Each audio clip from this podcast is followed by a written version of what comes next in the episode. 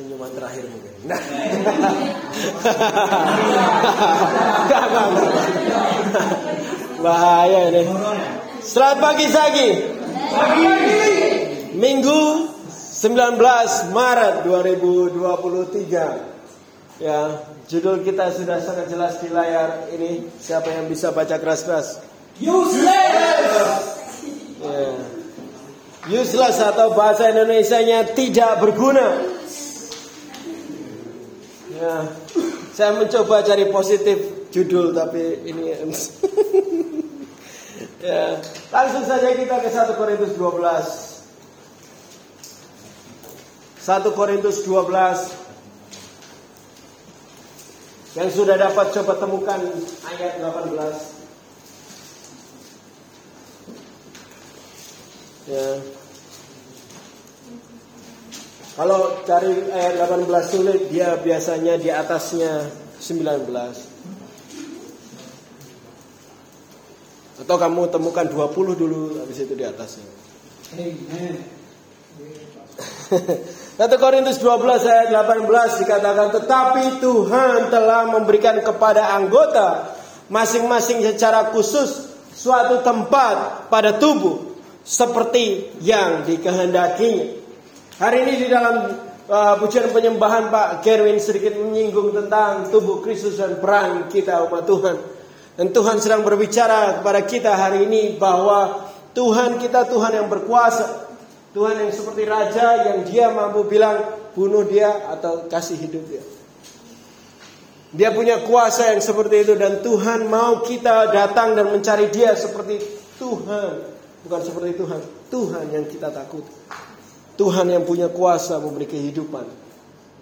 Seberapa banyak di tempat ini percaya kita adalah tubuh Kristus? Amen. Di dalam tubuh atau tubuh ini sendiri itu memiliki banyak bagian. Ada di sini tubuhnya cuma satu bagian kepala aja. Atau kayak cacing, leher semua.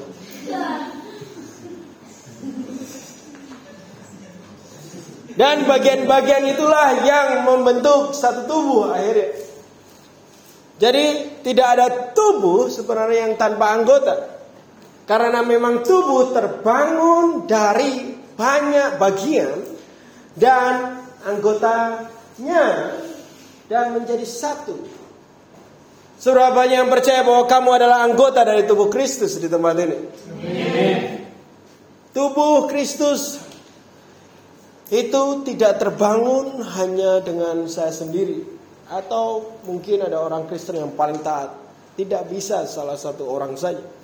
Tubuh Kristus terbangun dari semua kita di tempat ini. Tetapi tidak semua tubuh itu sehat. Kenapa tidak sehat? Karena sakit.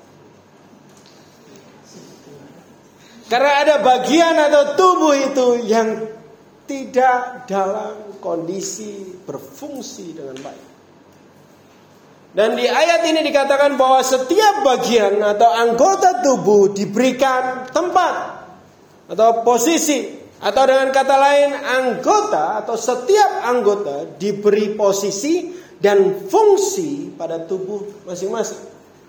Ya, siapa di sini jarinya bisa bernafas? Tempatnya beda, fungsinya beda. Ya kan? Sama hidung nggak beda. beda. Apa yang di sini jarinya bisa tumbuh kumis? Cuma di atas bibir aja yang bisa tumbuh kumis. Jadi semua punya posisi dan tempat yang berbeda dengan kondisi dan fungsi yang berbeda. Dalam pengajaran sebelumnya yang berjudul abnormal ada di YouTube Talmidim Indonesia kalau mau nonton lagi. Ya. Saya menjelaskan bahwa semua bagian harus tumbuh bersama dengan semua fungsi yang ada di dalamnya agar tubuh itu bisa bertumbuh menjadi tubuh yang normal. Yang membuat tubuh tidak normal atau abnormal karena ada bagian yang tidak normal di dalam tubuh itu, walaupun ada bagian yang lain normal. Tapi kalau ada satu saja yang nggak normal disebut tubuh yang tidak normal. Ada bagian yang tidak berfungsi dengan normal. Ada bagian yang mungkin bahkan tidak pada tempat yang seharusnya. Jarinya di sini gitu.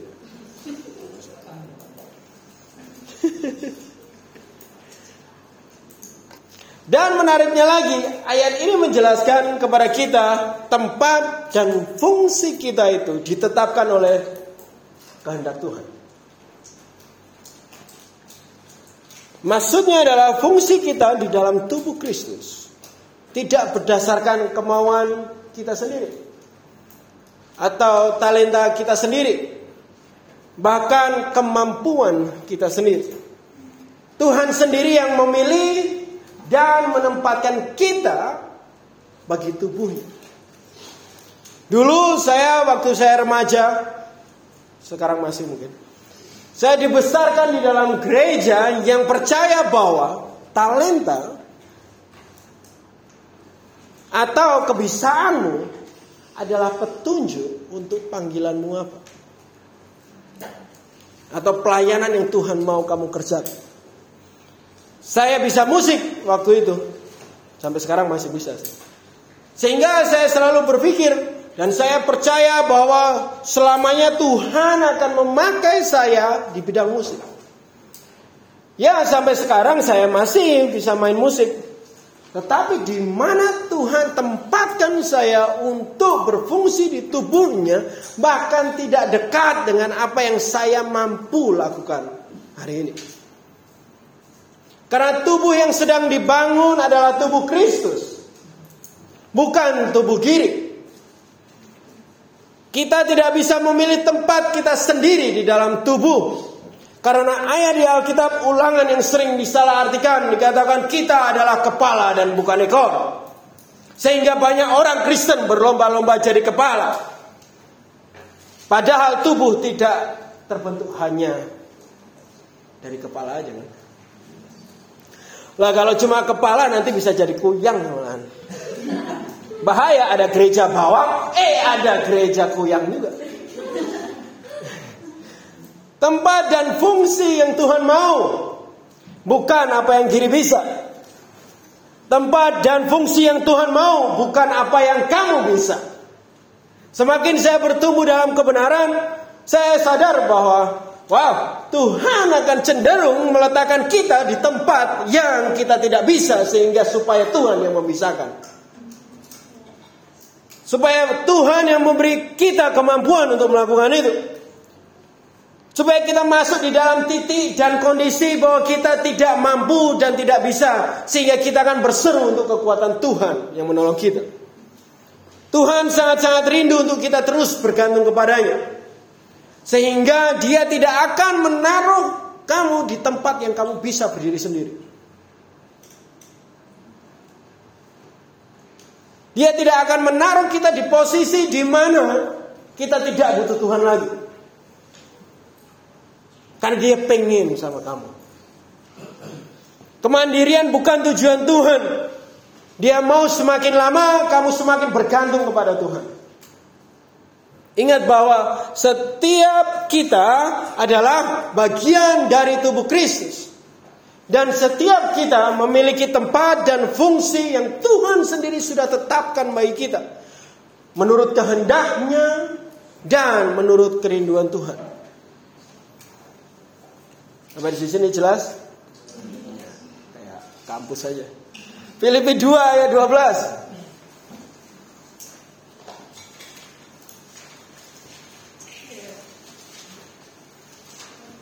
Yang sudah di situ katakan amin. Filipi 2 ayat 12. Hai saudara-saudaraku yang kekasih, kamu senantiasa taat karena itu tetapkan, tetaplah kerjakan keselamatanmu dengan takut dan gentar. Bukan saja seperti waktu aku masih hadir, tetapi terlebih pula sekarang waktu aku tidak hadir. Karena Tuhanlah yang mengerjakan di dalam kamu, baik kemauan maupun pekerjaan menurut kerelaannya. Yang saya suka dari setiap surat Paulus adalah dia selalu memiliki bagian yang dapat menguatkan atau penguatan bagi jemaat Tuhan.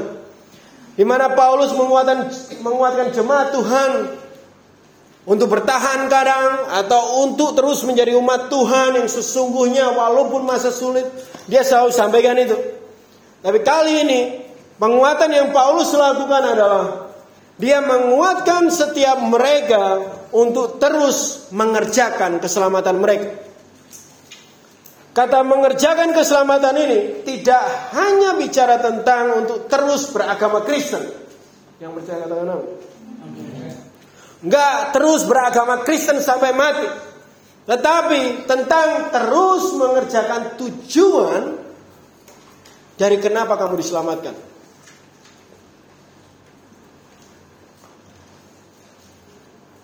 Ini bukan tentang untuk kamu bertahan dan selalu ke gereja, tetapi tentang terus mengerjakan tujuan Tuhan dan alasan kenapa Dia menyelamatkan kita.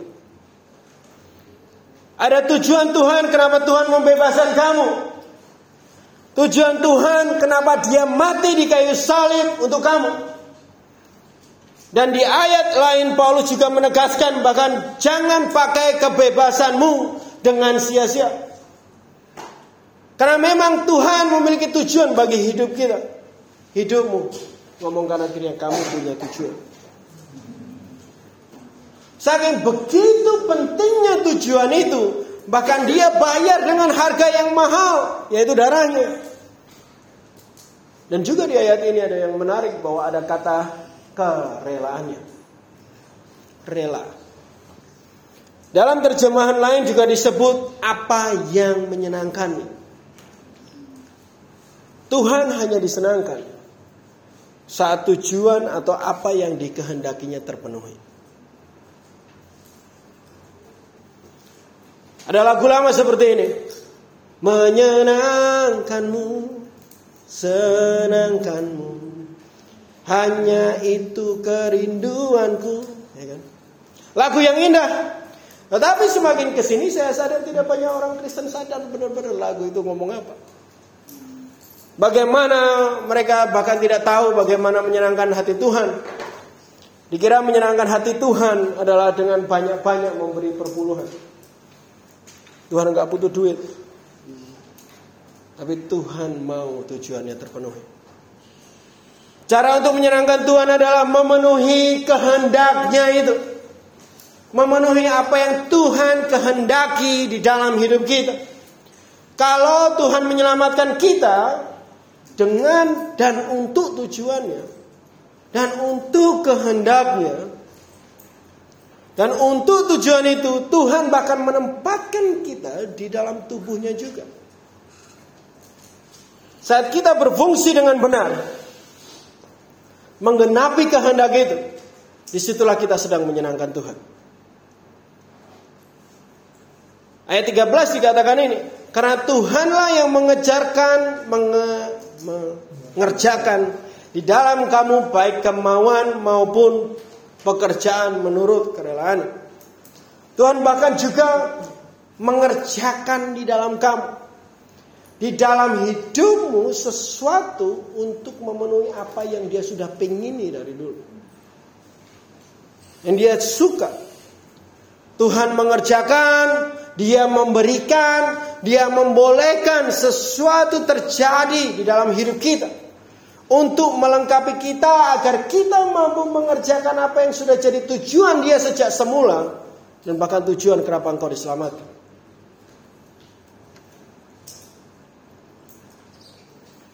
Apa yang dia kerjakan di dalam kita di ayat ini? Yang pertama disebutkan kemauan. Dan kata lainnya adalah kehendak. Dia akan meletakkan kehendak dan kerinduan di dalam kita untuk melakukan apa yang menyenangkan Tuhan. Kalau mungkin ada yang ingat di 2 Petrus 1 ayat 5 ayat kesukaan pemuritan ini. Yang pertama ditambahkan keiman kita adalah arete atau keinginan berbuat baik. Keinginan untuk melakukan apa yang baik dan benar. Dan keinginan serta kerinduan itulah yang Tuhan sedang taruhkan di dalam kita. Sehingga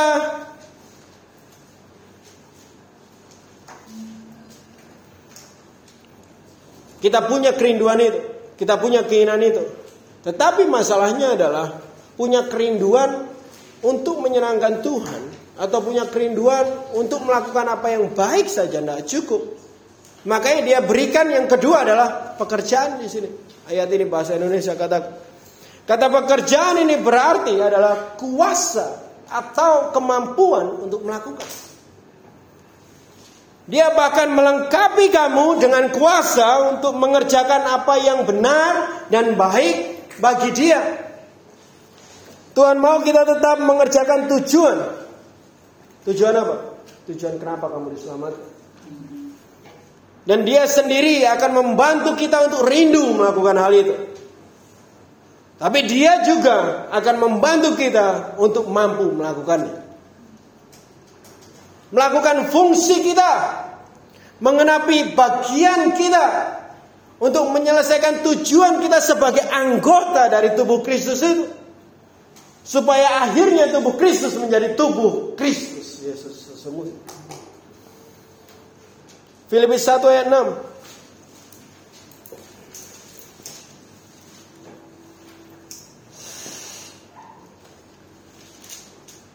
Yang sudah dapat katakan amin.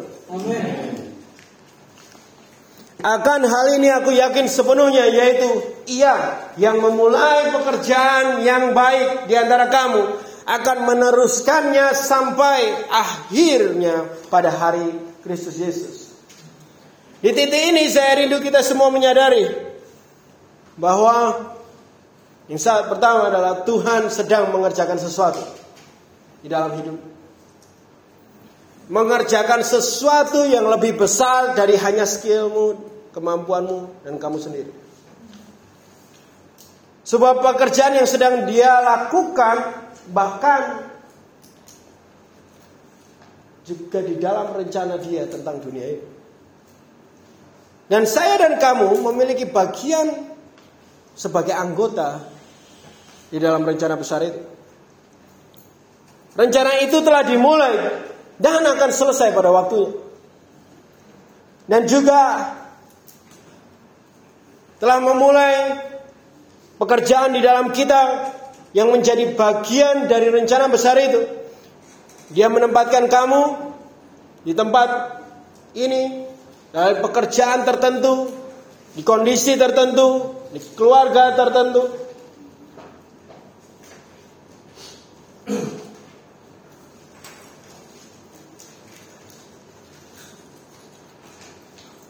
Dan dia bahkan memberi kuasa untuk kamu ada di bagian itu dengan baik.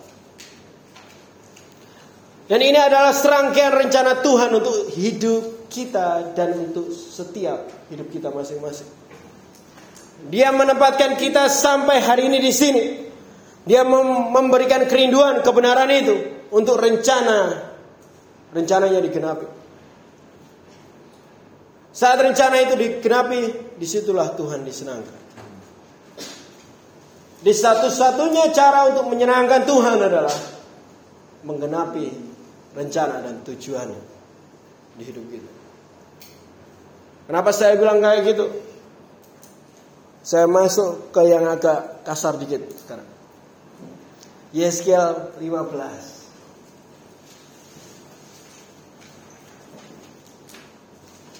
Yeskel 15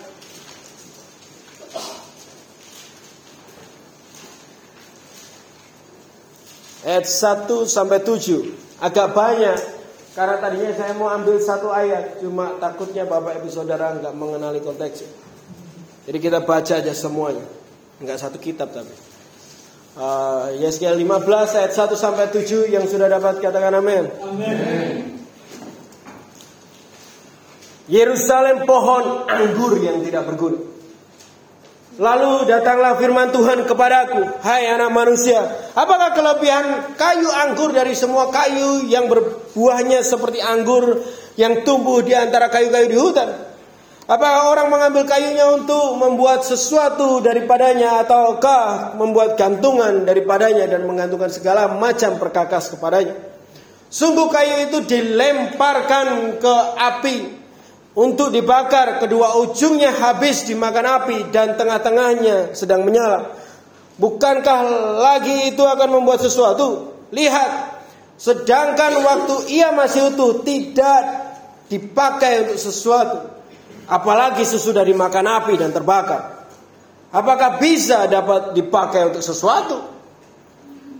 Oleh sebab itu beginilah firman Tuhan.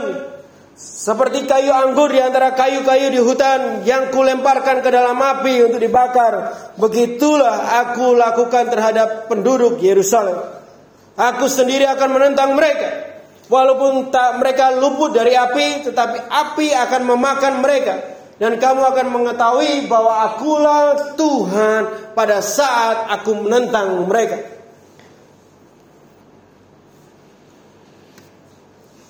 Berapa banyak yang percaya bahwa Tuhan kita punya rencana? Tuhan punya rencana juga bagi Israel.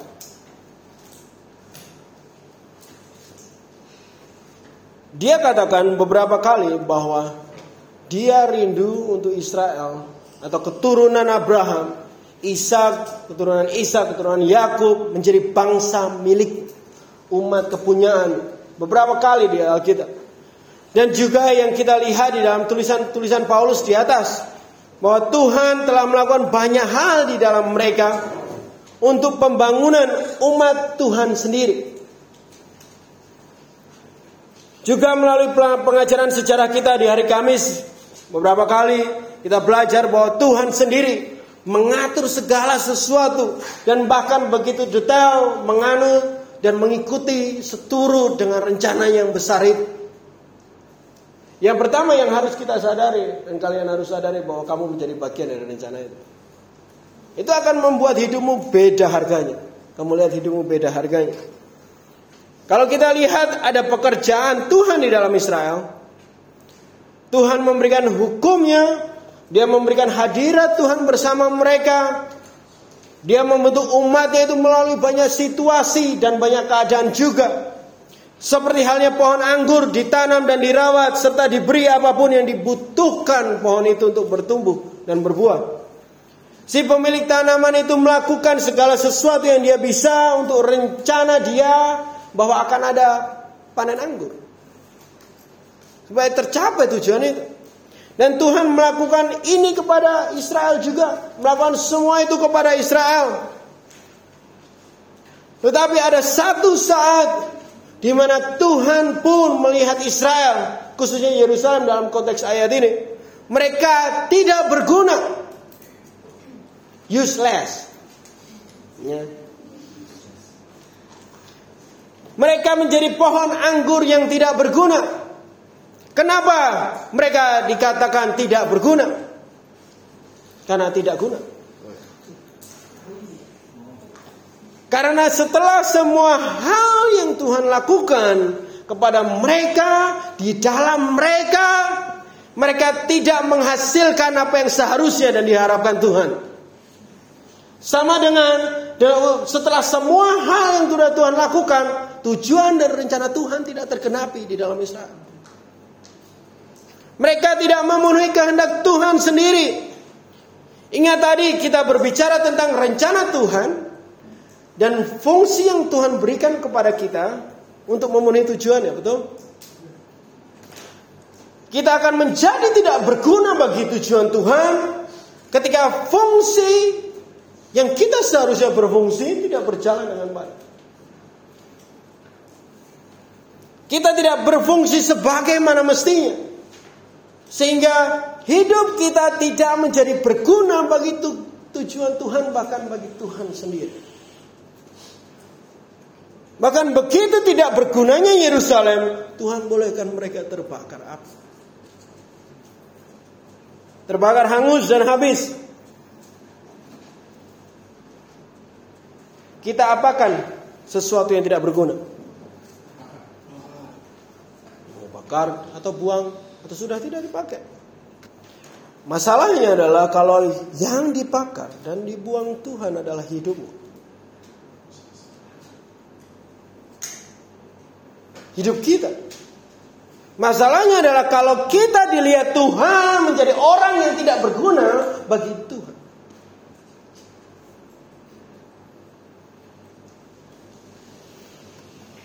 Dilihat Tuhan sebagai salah satu pohon anggur yang sudah diberi ditanam, diberi tempat, komunitas, disiram, diberi air hidup, firman, diberi pupuk dan nutrisi, diberi makan, minum, dirawat dan dijaga dari hama dan musuh.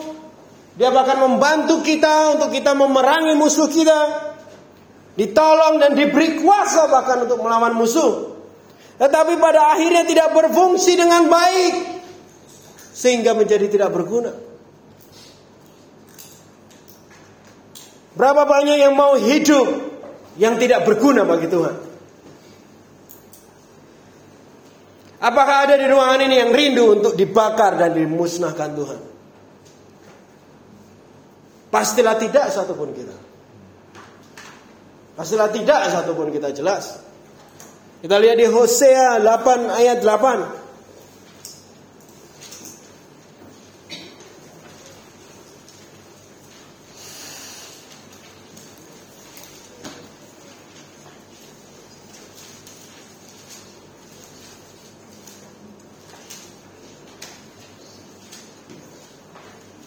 Hosea 8 ayat 8 Israel sudah ditelan sekarang mereka tidak ada di antara bangsa-bangsa seperti barang yang tidak disukai orang. Di terjemahan Alkitab yang terbuka dikatakan ini, Israel ditelan mentah-mentah di antara bangsa-bangsa mereka seperti peralatan yang tidak berguna. Bahasa dari bahasa aslinya lebih mirip yang ayat. Mereka kayak alat yang gak ada gunanya. Ini masih alat, tapi nggak ada gunanya. Waktu Tuhan sendiri nyebut yang tadinya dia harapkan jadi umatnya, yaitu Israel, sebagai alat yang tidak bisa digunakan. Siapa yang mau Tuhan menyebut hidupmu sebagai alat yang tidak berguna? Sebuah alat yang tidak diciptakan, dibangun, dan dirawat dengan tujuan untuk suatu pekerjaan Tuhan yang sudah dikerjakan Tuhan begitu luar biasa, tetapi pada akhirnya Tuhan temukan bahwa alat ini nggak bisa dipakai. Lihat gambar ini. Ini adalah gambar palu. Ya, untuk yang nggak tahu kalau ini gambar palu. Palu dengan gagangnya itu karet. Tadinya saya mencoba buat, nggak nggak sempat ternyata. Palu gagang karet tetap bisa digunakan. Tetapi tidak berfungsi dengan semestinya. Nyiwir-nyiwir ya. Wing, wing, wing. Saya tidak yakin bahkan waktu kita mukul tetap bisa mungkin kena palunya kalau kita pintar, eh, kena pakunya kalau kita pintar. Tapi tidak akan berfungsi dengan semestinya. Saya tidak yakin kalau kamu pukul kena pakunya, pakunya bakal masuk ke kayu. Karena nggak ada kekuatan. Ya, Pak. Tapi lucunya bahwa palu ini tetap palu. Ya kan? Nggak terus dia nggak pakai karet terus disebut sendok. Mau centong. Tapi palu ini walaupun namanya palu tapi palu yang tidak berguna. Nggak bisa digunakan semestinya palu digunakan. Bangsa Israel tetaplah keturunan Abraham, Ishak dan Yakub. Itu jelas fakta yang nggak bisa dirubah. Bukan berarti mereka otomatis juga, tapi dapat dipakai dengan Tuhan semestinya. Tetap beragama Kristen, rajin, ikuti semua kegiatan, bukan berarti otomatis kamu berguna bagi Tuhan. Saya tahu bahwa tidak satupun kita mau jadi seperti ini. Jadi harus pastikan bahwa ketaatan dan kesetiaan kita kepada Tuhan tidak berubah. Harus pastikan kita mengikuti apa yang sudah dia kerjakan. Waktu dia memberi pupuk kita lihat hal itu. Tapi saya mau lebih dalam tentang hal ini. Pertanyaannya adalah kenapa Yerusalem atau Israel bisa berakhir di titik kondisi kayak gitu? Kita ke Yeskiel 15 tadi tetapi di ayat yang ke-8. Saya ulangi lagi ayat 8. Oh tadi belum dibaca di ayat 8. Yeskiel 15 tadi tapi ayat yang ke-8. Ya sudah katakan dead. Dead, dead.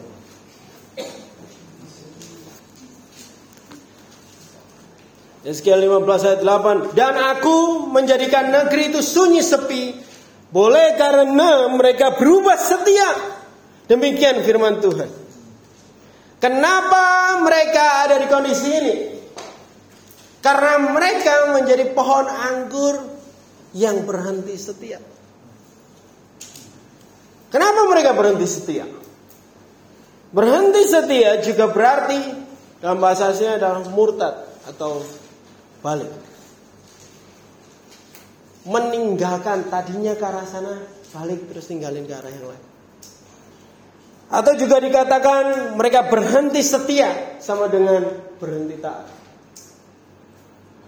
Berhenti taat akan apa yang Tuhan katakan akan membawa hidup kita masuk kepada kehidupan yang tidak berguna bagi Tuhan. Untuk menegaskan yang saya maksud dengan kebergunaan ini bukan tentang kebisaanmu ya. Jadi jangan minder dulu kalau kamu nggak bisa apa-apa. Aku masak nggak bisa, aku main musik nggak bisa, aku nyanyi fales. Bukan tentang ini. Tapi ini tentang bagaimana hidup kita berguna bagi apa yang Tuhan rencanakan bagi hidupmu dan di dalam fungsi hidupmu sendiri. Dan ketaatan yang terus-menerus ini yang menentukan apakah kita dapat berguna bagi rencana Tuhan itu atau tidak.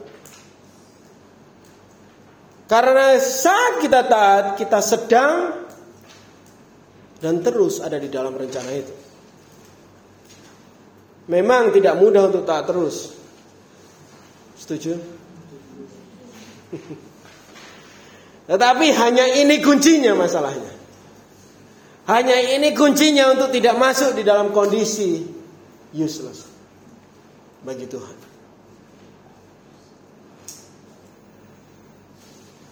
Kita balik ke Hosea 8. Tapi saya mulai dari ayat 1.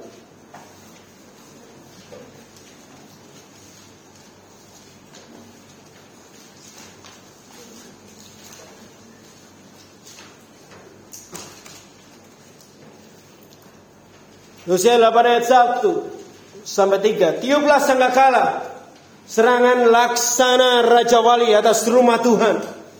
Oleh karena mereka telah melangkai perjanjianku dan telah mendurhaka terhadap pengajaranku. Kepadaku mereka berseru-seru, "Ya Tuhan, kami Israel mengenal Engkau." Israel telah menolak yang baik, biarlah musuh mengejar dia. Oh, ini agak agak anu sedikit sih. Tuhan biarin mereka dihajar musuh. Ayat lain yang kita lihat di sini Israel menolak apa yang baik. Menolak apa yang Tuhan berikan kepada mereka. Waktu di dalam bentuk firman atau perintah mereka melanggar hukum Tuhan, mereka berpaling dari pengajaran Tuhan, dan karena itulah Tuhan dengan sengaja membiarkan mereka bahkan dikejar oleh musuh mereka. Tuhan membiarkan mereka hancur dan sengsara karena ini. Seperti halnya pohon anggur yang tidak berguna tadi. Tuhan biarkan dimakan api. Toh memang sudah tidak berguna. Toh juga memang sudah tidak dapat membantu rencana Tuhan.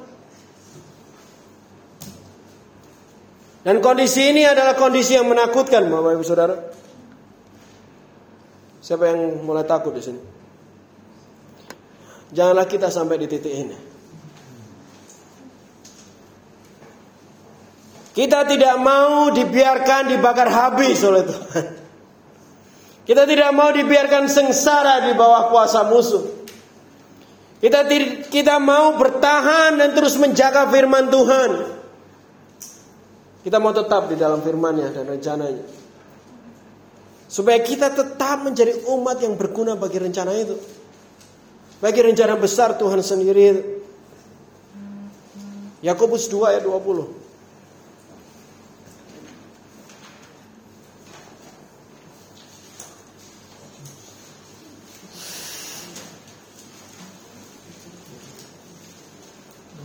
Ayat terkenal kesukaannya Gia sama Pak Derwin. Yakobus 2 ayat 20. Hai manusia yang bebal. Maukah engkau mengakui sekarang? Coba ngaku. Bahwa iman tanpa perbuatan adalah iman yang kosong. Salah satu ayat yang terkenal dan kesukaannya siapa lagi selain Pak Kerin dan Kia di sini? Mungkin kesukaannya kokoh. Dikatakan iman tanpa perbuatan Kepercayaan tanpa perbuatan. Apa yang di, dipercaya itu tidak ada gunanya. Tadi kita belajar bahwa ketaatan mempengaruhi kualitas kebergunaan kita bagi Tuhan. Itu. Seperti halnya sebuah pohon. Si pemilik pohon itu memberikan segala sesuatu yang diperlukan pohon itu untuk bertumbuh.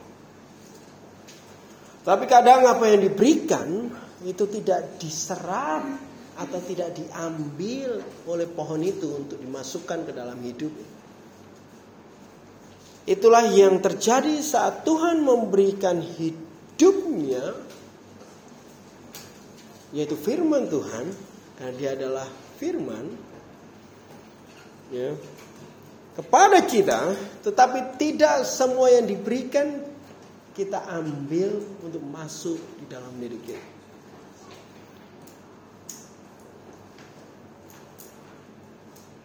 dengan cara dengan tidak mentaati ya. Kita tidak ngambil itu dan nggak menyerap itu. Tidak ada penambahan apa pun di pohon itu kalau pohon itu tidak menyerap air yang diberikan. Dan tidak akan ada perubahan apa pun di kita kalau kita tidak menyerap air hidup yang Tuhan berikan. Artinya kalau kamu percayai aja firman yang kamu dengar itu tidak cukup tanpa ketaatan yang benar terjadi. Dan satu-satunya cara untuk menyerap air ya harus mentaatinya. Akan menjadi iman yang kosong apabila iman itu tidak dihidupi. Saya sering coba amin, amin. Oh, amin artinya apa? saya. Ya. Ya, aku mau. Ya, aku setuju. Artinya, ya percaya kan? Tapi kalau enggak mentaati, aminnya jadi amin yang kosong. Akan menjadi pengakuan yang kosong kalau kepercayaan itu tidak kita hidup. Akan menjadi pengharapan yang kosong apabila rencana Tuhan itu tidak bahkan kita taat.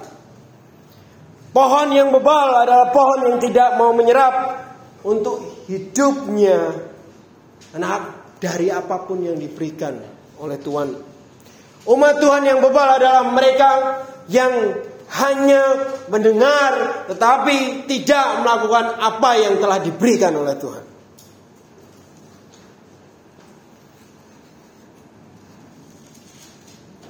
Roma 4 ayat 13. Sebelum khotbah ini Pak Novel tanya Pak Kiri nanti ya keras nggak? Saya nggak tahu saya kira apa.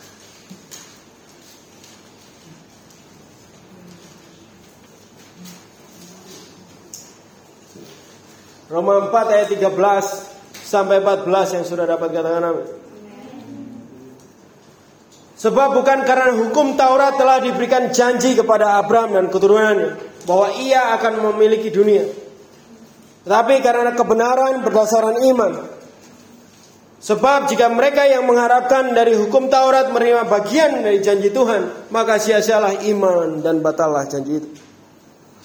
Maksud dari ayat ini adalah janji Tuhan tidak otomatis akan terjadi kepada Abraham hanya karena hukum Taurat mereka miliki. Dikatakan Abraham di sini maksudnya keturunan Abraham bicara tentang Israel.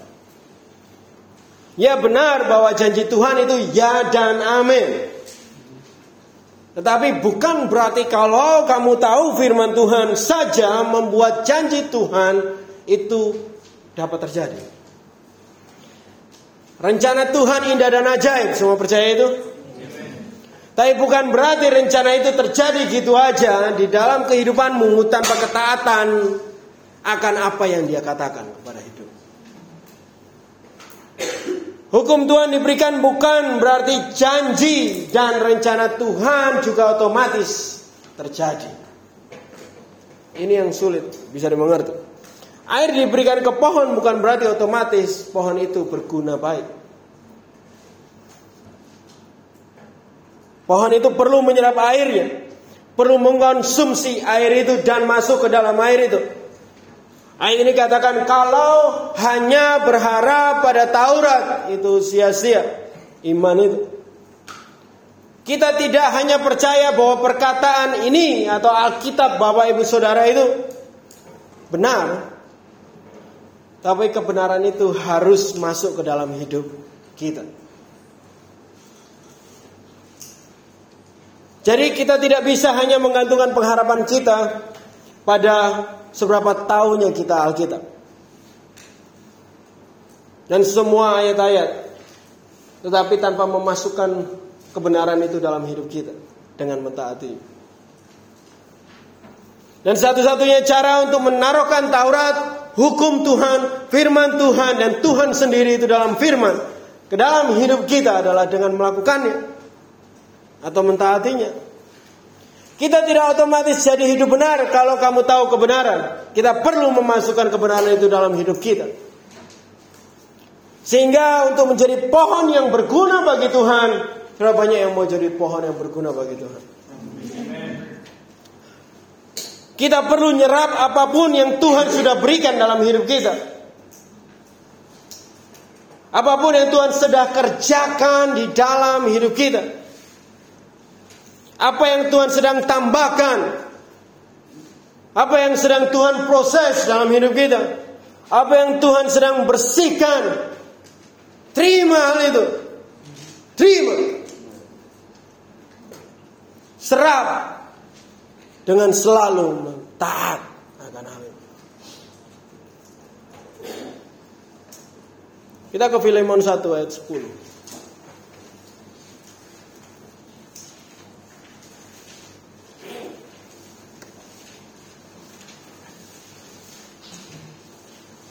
Ini ayat yang belum terakhirnya kita.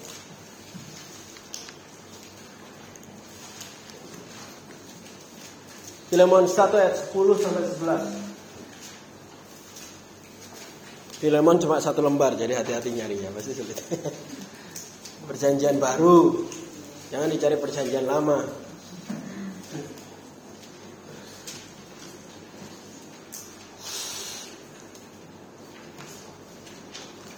Filemon 1 ayat 10 sampai 11 mengajukan permintaan kepadamu mengenai anakku yang ku dapat selagi aku dalam penjara yakni Onesimus.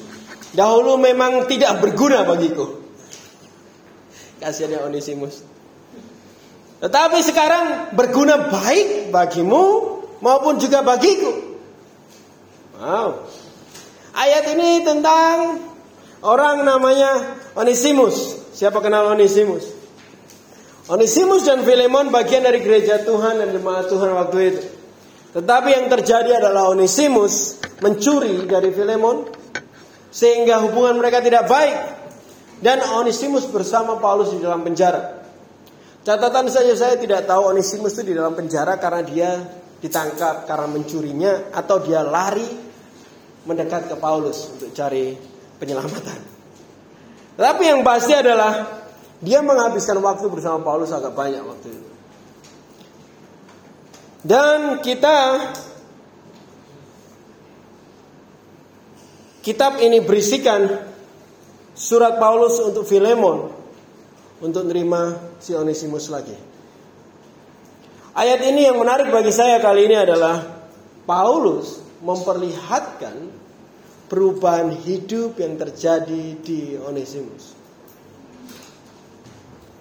Kehidupan Onesimus yang tadinya tidak berguna berubah menjadi seorang yang berguna. Kehidupan yang tadinya melanggar hukum Tuhan, mencuri, sekarang menjadi kehidupan yang mengikuti, mengikuti hukum Tuhan dan bahkan layak untuk diterima lagi di dalam gereja Tuhan. Onesimus keluar dari kehidupan yang tidak berguna Walaupun dia tadinya juga di antara orang percaya, bahkan tetap bisa jatuh dalam titik ketidakbergunaan hidup. Untuk ada di antara orang percaya bukan berarti kamu otomatis memiliki hidup yang berguna bagi Tuhan. Kecuali kamu benar-benar menghidupi firman Tuhan bersama yang lain, itu beda. Ketidak, wah, salah lagi, typo, ya. Ketika seseorang memutuskan untuk hidup taat, untuk hidup mengikuti apa yang Tuhan punya bagi mereka, hidup mereka berubah dia tidak berguna menjadi berguna.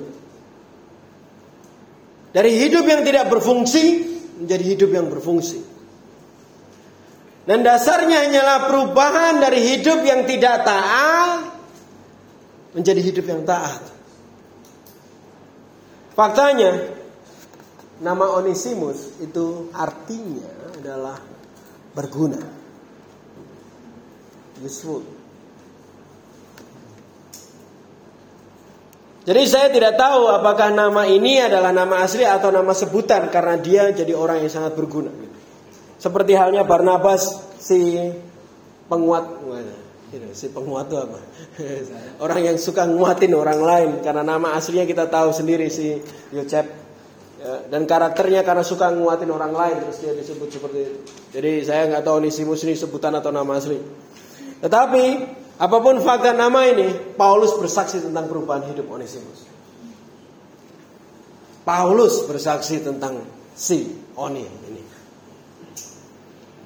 Hidup yang tadinya tidak mengikuti firman menjadi hidup yang mengikuti firman Tuhan. Kita semua mulai dari hidup yang tidak berguna. Kita semua, saya juga. Bahkan hidup yang bahkan tidak layak untuk Tuhan. Tetapi Tuhan memilih kita, memilih saya dan Bapak Ibu Saudara. Menanam kita, merawat kita juga. Supaya kita bertumbuh dan berguna bagi dia. Perubahan itu pasti saat kita taat akan Tuhan. Jadi tidak poinnya bukan tentang kalau hidup kita berguna atau tidak, tetapi poinnya adalah bagaimana perubahan hidup menjadi yang berguna begitu. Itu yang Paulus mau tekankan kepada Filemon bahwa terimalah karena dia sudah berubah.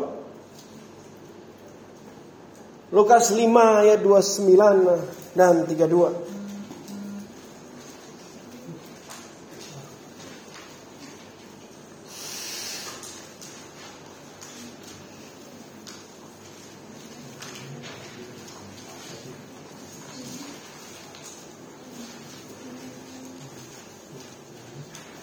Lukas 9 eh Lukas 9 Lukas 5 ayat 29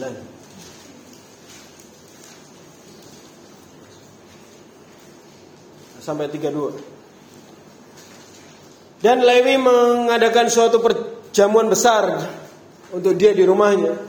Dan se sejumlah besar pemungut cukai dan orang-orang lain turut makan bersama-sama dengan dia. Orang-orang Farisi dan ahli-ahli Taurat bersungut-sungut kepada murid-murid Yesus Katanya, mengapa kamu makan sama dan minum bersama orang-orang pemungut cukai dan orang berdosa? Lalu jawab Yesus kepada itu. Bukan orang sehat yang memerlukan tabib, tetapi orang yang sakit. Aku datang bukan untuk memanggil orang benar, tetapi orang berdosa, supaya mereka bertobat. Ini adalah kejadian di mana pemuka agama waktu itu melihat bahwa pengikut-pengikut Yesus orang-orang yang aneh. Ada nelayan, ada pemungut cukai, ada orang berdosa lainnya. Mereka mempertanyakan hal itu. Dan pemuka agama waktu itu, si ahli Taurat, si Farisi waktu itu tidak sama sekali bahkan mau nongkrong sama orang-orang ini. Ini adalah orang-orang yang tersingkirkan dari bisa bilang keagamaan sendiri. Orang-orang yang dinilai tidak berguna oleh mereka. Orang-orang yang dilihat dengan mata manusia tidak berguna. Tetapi mereka ini yang Tuhan mau. Tuhan katakan bukan orang sehat yang perlu tabib, tetapi orang sakit. Bukan orang yang sudah hebat yang Tuhan mau, tetapi mereka yang masih butuh ditolong dan rindu untuk ditolong untuk berfungsi yang Tuhan mau. Ini adalah harapan bagi kita hari ini. Harapan bagi kita semua di tempat ini. Tuhan tidak perlu hidup yang sudah berfungsi untuk diberikan kepadanya.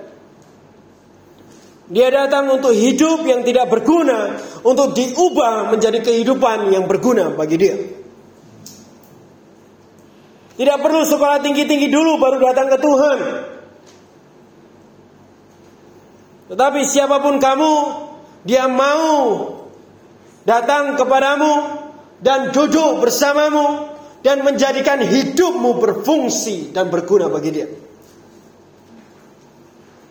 Tuhan tidak memerlukan penyanyi hebat untuk memuji dia. Bahkan kalau perlu dia bisa buat batu memuji dia sendiri.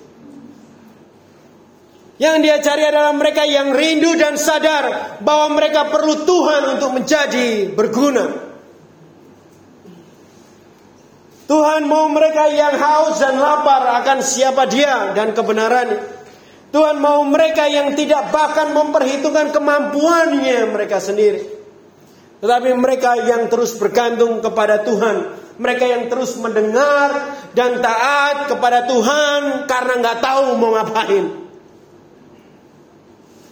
Tuhan datang untuk kamu yang tidak tahu apa-apa supaya Dia mengarahkan hidupmu dan mengajarkan kamu hidup yang sesungguhnya. Dia tidak perlu seorang ahli. Dia hanya mau hati yang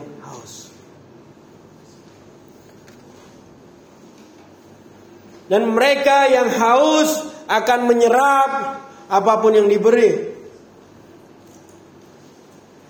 Orang-orang inilah yang dicari Tuhan. Orang-orang inilah yang Tuhan cari dan Tuhan mau. Apakah ada orang ini di sini? Apakah ada orang seperti ini di sini?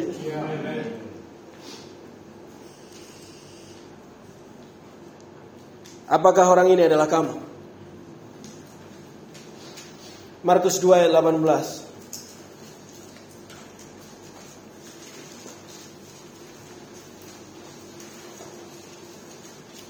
Belum ayat yang terakhir.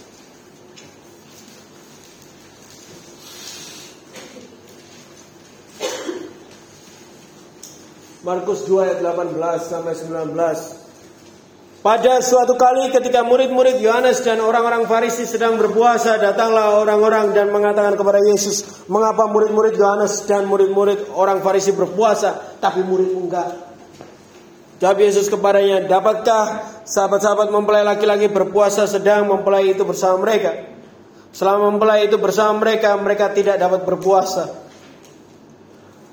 Nah, ini adalah komplain yang lain yang para ahli itu katakan kepada Yesus. Kenapa pengikut, Yesus tidak puasa?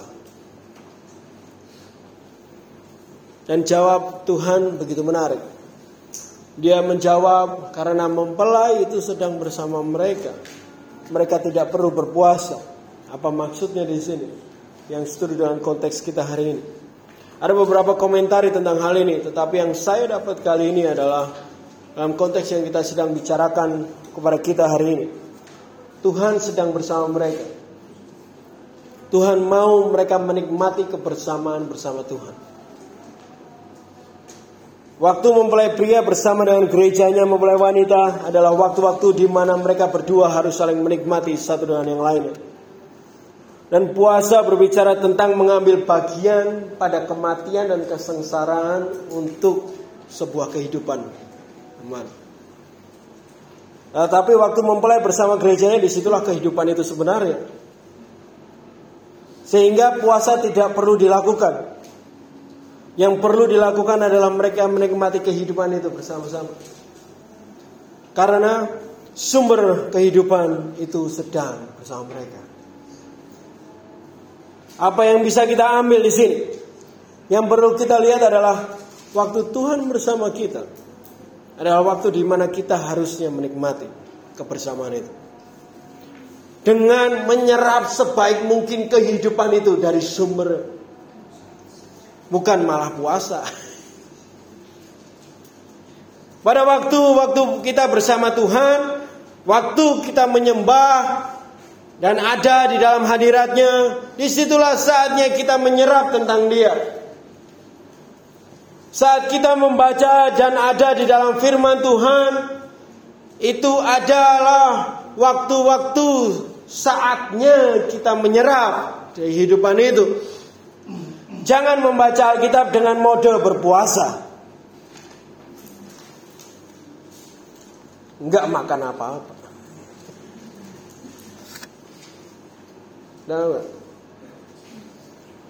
Dikasih roti kita nggak mau makan. Sama dengan baca Alkitab itu. Baca Alkitab harus mendapat sesuatu yang bisa kita taat.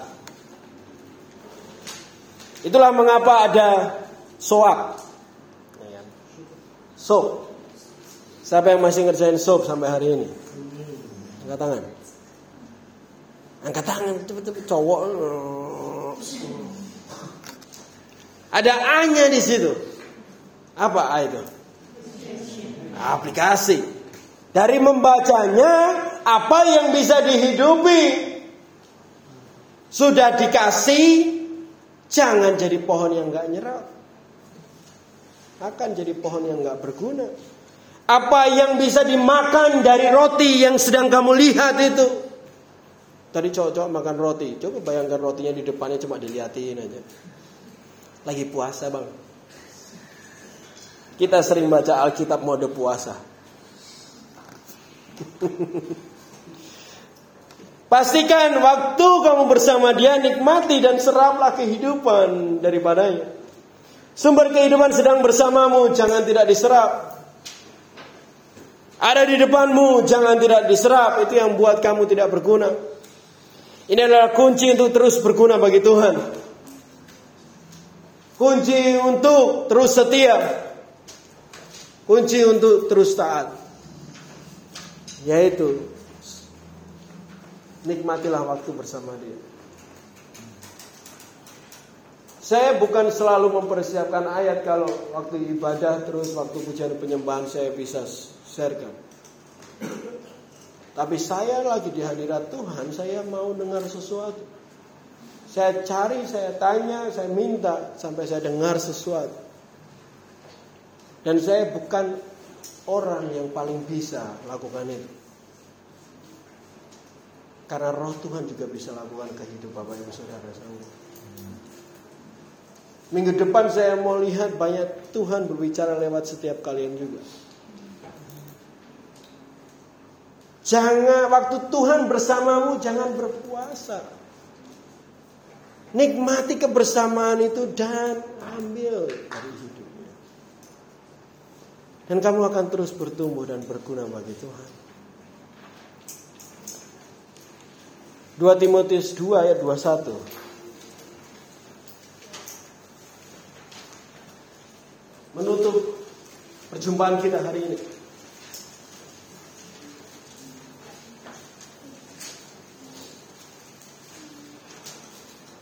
Dua Timotius 2 ayat 21.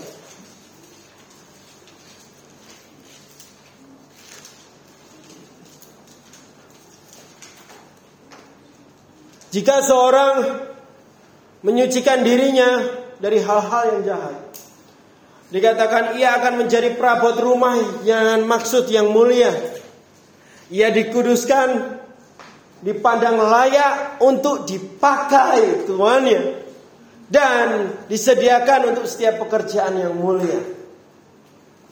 Kita percaya Tuhan punya bagian untuk kita bekerja bagi tujuannya, betul? Amin. Berapanya yang rindu menjadi alat yang berguna bagi Tuhan? Ketaatan akan firman-Nya akan membawa kita kepada kehidupan yang terus disucikan. Yang sering mengalami pasti katakan amin. Ya kan? Waktu kamu taat, kamu makin suci. Bukan sok suci, tapi ada sesuatu yang terus dihilangkan dari hidup kita. Membawa perubahan. Membawa perubahan demi perubahan ketaatan itu. Merubah kita yang dari kotor menjadi bersih. Merubah kita yang tidak berguna menjadi berguna. Dan hanya alat yang terus masuk melalui penyucian itu akan terus berguna bagi rumah Tuhan. Yang penting juga adalah tubuh Kristus yang berfungsi bagi Tuhan hanya ada karena ada semua anggotanya juga berfungsi bagi Tuhan. Tubuh Kristus yang berguna bagi Tuhan itu hanya terbentuk dari kelompok anggotanya yang berguna bagi Tuhan. Pesan hari ini adalah jangan berhenti setia. Ngomong kanan kirinya, jangan berhenti setia. Catat besar-besar di catatanmu, jangan berhenti setia. Karena itu yang membuat Israel bahkan menjadi pohon anggur yang tidak berguna.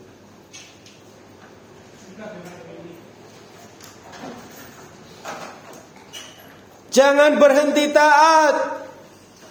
Serap firman baik-baik. Serap perintah Tuhan baik-baik. Serap ajaran apa pun yang Tuhan berikan kepadamu hari ini, kemarin, tadi pagi, kemarin lusa, atau bahkan yang berikutnya besok dan setiap berikutnya. Agar kamu terus bertumbuh menjadi pohon anggur yang berguna bagi Tuhan. Jalani Taurat Tuhan menjadi hidupmu, jalani firman Tuhan menjadi hidupmu dengan ketaatan itu. Sederhananya, Bapak Ibu Saudara, tidak taat akan jadi useless. Taat kamu akan jadi useful. Mau berguna bagi Tuhan? Mau berguna bagi gereja Tuhan? Mau berguna bagi kerajaan Tuhan? Ya taat. Hidup kita akan menjadi hidup yang mengenapi kehendak Tuhan. Dan ujungnya Tuhan senang. Karena tujuannya tercapai. Di pagi hidupmu dan melalui hidupmu. Hidup kita akan menjadi bagian dari pengenapan janji Tuhan bagi dunia ini dan rencana besarnya. Pada akhirnya saya menguatkan kita semua. Kejarlah kesenangan Tuhan dengan terus taat akan firman Jangan berhenti setia. yang boleh mendapat berkat hari ini katakan haleluya. Mari kita berdoa.